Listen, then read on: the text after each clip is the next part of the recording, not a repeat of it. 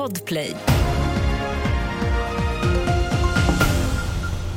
Här är senaste nytt. Antalet covidfall har ökat de senaste veckorna.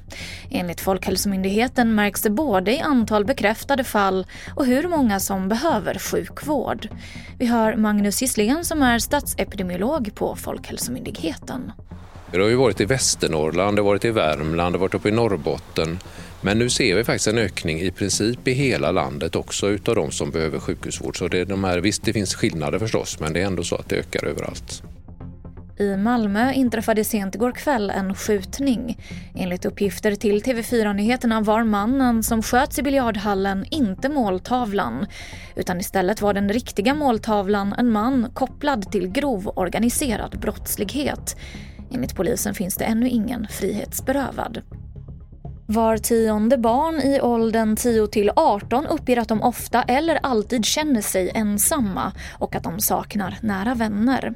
Detta enligt organisationen Friends nya rapport som baseras på enkätsvar från över 1000 barn.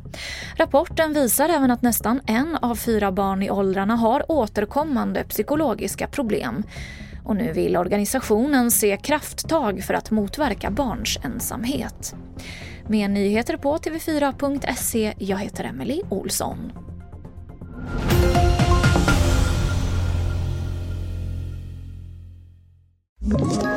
Ett poddtips från Podplay.